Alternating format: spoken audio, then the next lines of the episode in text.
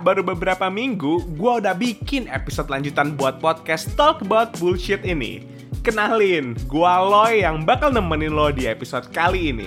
Ya emang gue sendiri sih sebenarnya. Anyway, lo udah lihat belum sneak peek episode kali ini yang gue share di Instagram Talk About Bullshit beberapa hari yang lalu?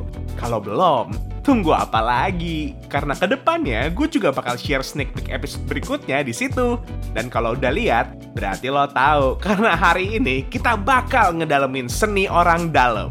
Jadi tunggu apa lagi? Siapin popcorn lu, siapin minum lu, dan ambil posisi terpewe lo karena gua bakal mulai.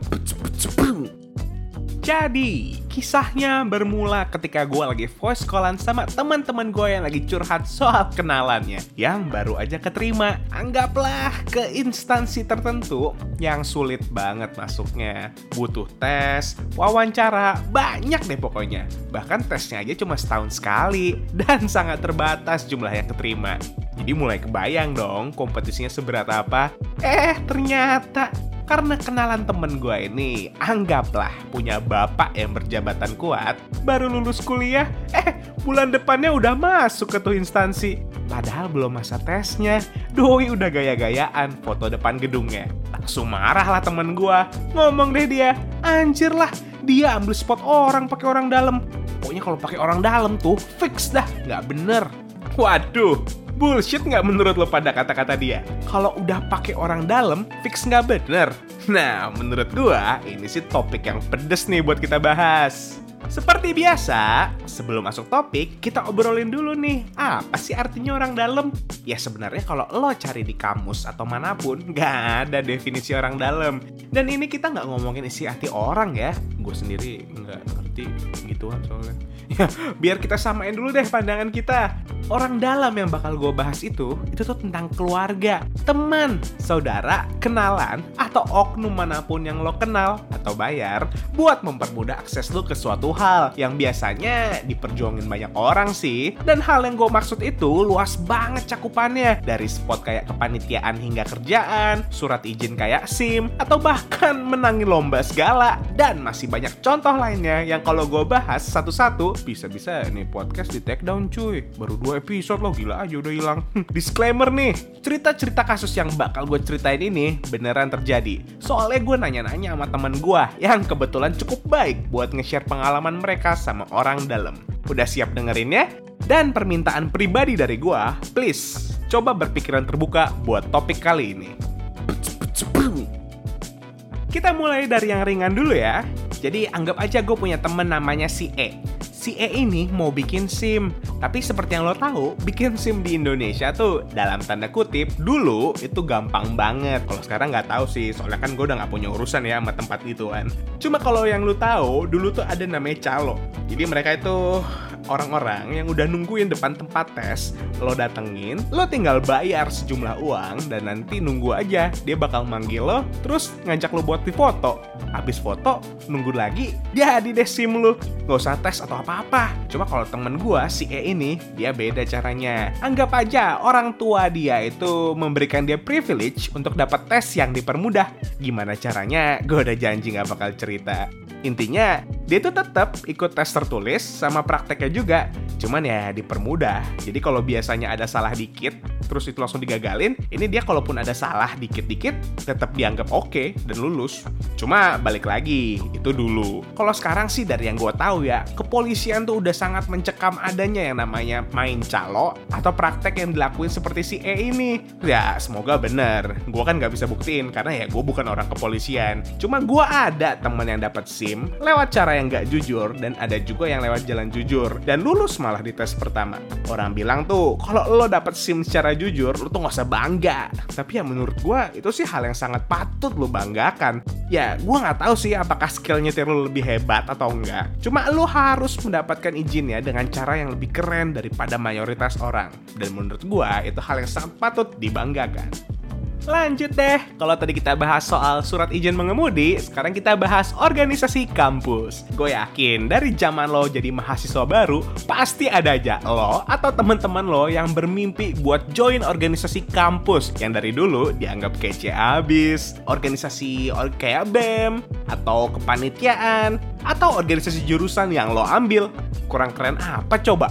Bayangin, jumlah slotnya terbatas kalau mau join, mesti nyiapin banyak hal kayak civic, tes wawancara, dan banyak hal lainnya. Dan udah gitu, bisa lo masukin ke CV sebagai bukti kalau lo tuh mahasiswa yang aktif. Belum lagi, beberapa kampus ngasih beasiswa kalau lo berhasil dapetin jabatan di beberapa organisasi tersebut. Dan yang pasti, rasa bangganya ketika lo punya title yang beda dari teman-teman lo yang bukan anggota organisasi. Nah, temen gua si A itu tuh awalnya nggak pengen banget join ginian. Dia tuh lebih pengen fokus ke kuliah sama hidup yang nyantai. Karena dia yakin kalau udah join gituan, pasti waktunya habis buat rapat, kegiatan, dan banyak hal lainnya. Tapi suatu hari, setelah masa-masa open recruitment anggota organisasi jurusan selesai, ada temen yang hubungin si A. Dia nggak nyiapin apa-apa, nggak wawancara atau apa-apa, tiba-tiba ditawarin buat jadi anggota tim temennya itu. Soalnya kebetulan temennya itu emang ketua subdivisi. Nah, si A ini diundang karena temennya itu yakin si A itu rajin dalam bidang akademis. Dia bisa dipercaya dan bisa bawa suasana tim ke arah yang santai, makanya pengen banget direkrut. Anggaplah close recruitment. Nah, si A ini setelah dibujuk dengan berbagai cara, akhirnya mau. Habis itu dia interview formalitas, udah deh pas pengumuman ada nama dia muncul di bagian anggota tim. Ngalahin entah berapa mahasiswa lain yang berharap mendapatkan spot yang dia punya sekarang. Apakah salah? ketuanya milih si A yang diyakinin kapabilitasnya dibanding mahasiswa-mahasiswa lain yang minat masuk divisi tersebut. Silahkan dipikirkan kan kita udah ngomongin soal kuliah nih. Berarti kita naikin levelnya ngomongin soal kerjaan. Cerita kali ini soal senior gua yang kita panggil aja namanya si C. C ini orangnya asik, seru, dan aktif dulu di unit kegiatan mahasiswa. Dia tuh lulus dengan IPK yang standar, tidak sampai di angka 3. Dia cerita kalau dia tuh lulus juga di jurusan yang sebenarnya bukan hal yang dia minatin, sehingga dia ngerasa nggak seahli itu buat kerjaan di bidang jurusan dia. Akhirnya dia sekarang ini kegiatannya memang ngerintis usaha yang memang sesuai passion dia.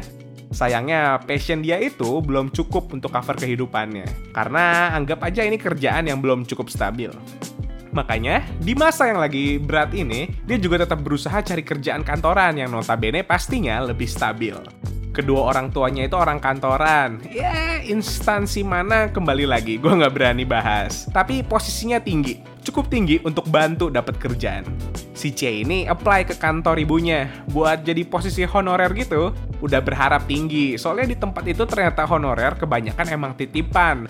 Apalagi ini ibunya posisinya cukup loh buat ngebantuin. Cuma bayangin, ternyata temen gue ini anaknya sendiri nggak keterima dan yang bikin sedih lagi, sepupu dia yang apply di tempat yang sama malah keterima ketika si sepupunya itu bawa-bawa nama ibunya temen gue ini. Dengan posisi yang langsung lumayan, asisten pribadi cuy. Gimana gak gedek tuh? 6 bulan si C itu sakit hati sampai ogah ngomong sama ibunya. Dan sampai sekarang dia tuh juga nggak ungkit-ungkit bahasan itu. Soalnya takut kalau dia tahu alasan sebenarnya kenapa ibunya berlaku kayak gitu. Ya dari cerita dia sih bapaknya emang tipe yang strict dan nggak mau kalau anaknya itu masuk lewat jalur bantuan atau titipan.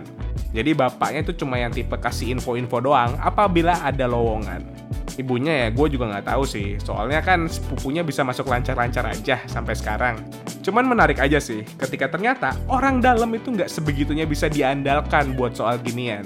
Ya positif thinking aja. Mungkin si ibu juga nggak mau anaknya jadi titipan dan berharap dia bisa ngerintis sesuai kerjaan passion ya. Cuma temen gue emang sedih sih. Apalagi passion dia ini emang belum bisa ngebantu dia buat cover kehidupan. C, kalau lu dengerin podcast ini, gue cuma bisa bilang good luck to you ya. Lu pasti bisa, gue yakin. Udah cukup lah ya, gue sharing-sharing soal cerita temen-temen gue. Ternyata lumayan macem-macem juga ya bentuk cerita orang dalam. Apakah bisa lo anggap baik atau benar? Ya itu bebas lo sih. Soalnya bukan urusan gue lo anggap pakai orang dalam itu hal yang baik atau buruk. Sebenarnya masih banyak cerita yang bisa gue share. Cuma gue takut diciduk deh. Asli, apalagi pas denger cerita-cerita yang ranahnya udah bahaya buat gue publikasiin. Cuma ya kalau udah ngomongin orang dalam, itu tuh buat gue sekedar fasilitas Orang dalam tuh bisa lu dapet antara karena kenal, kenal kerabat lo, atau lo bayar. Kalau ranah biaya, ya itu udah privilege lu sih kalau lo emang duitnya berlebih buat dapetin kemudahan atas hal yang lo kejar. Kalau udah soal kenalan, nah menurut gue itu lebih ke arah usaha. Ya bebas sih lo mau namain hal ini apa. Kan bahasanya banyak sebenarnya. Mau orang dalam, koneksi, referral, close recruitment atau apa pun. Cuma itu tetap orang dalam. Cuma bedain aja antara lo dikenal karena jabatan lo atau kerabat lo atau karena kapabilitas lo.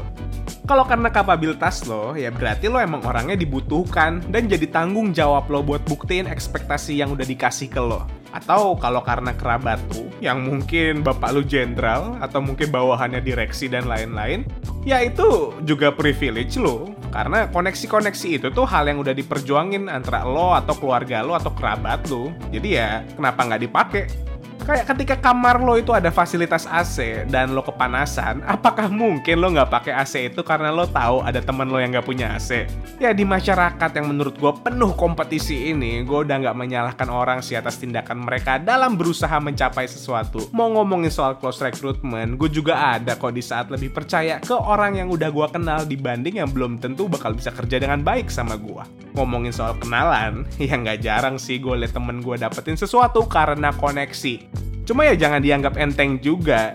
Buat lo semua yang masuk sekedar karena kenalan, pasti ada yang bakal ngejudge lo ketika performa lo jelek atau semacamnya. Jangan ngerasa aneh kalau tiba-tiba ada yang bilang, gini nih kalau pakai orang dalam. Ya, you pay what you get. Cuma bebas sih kalau lo mau ngadu ke bokap lo yang jenderal atau enggak. Ya di akhir cerita, apa pun tindakan lo, gue selalu bilang yang bisa ngerasa itu baik atau buruk cuma lo sendiri. Ya bebas sih orang di sekitar lo mau bilang apa, soalnya yang tahu cerita fullnya cuma lo seorang. Gue ingetin aja tapi, apa pun tindakan lo, lo mesti tanggung jawab atas dampaknya. Jangan pernah anggap enteng apa yang lo dapetin lewat koneksi atau orang dalam itu. Karena bisa aja lo baru ngambil hak yang harusnya jadi punya orang lain. Ya cuma bebas sih, apa sih yang gue tahu? You do you lah. Ini hidup lu. Cuma lu seorang yang paling mengerti apa dorongan dari tindakan lu dan cuma lu seorang juga yang tahu tujuan dari tindakan lu.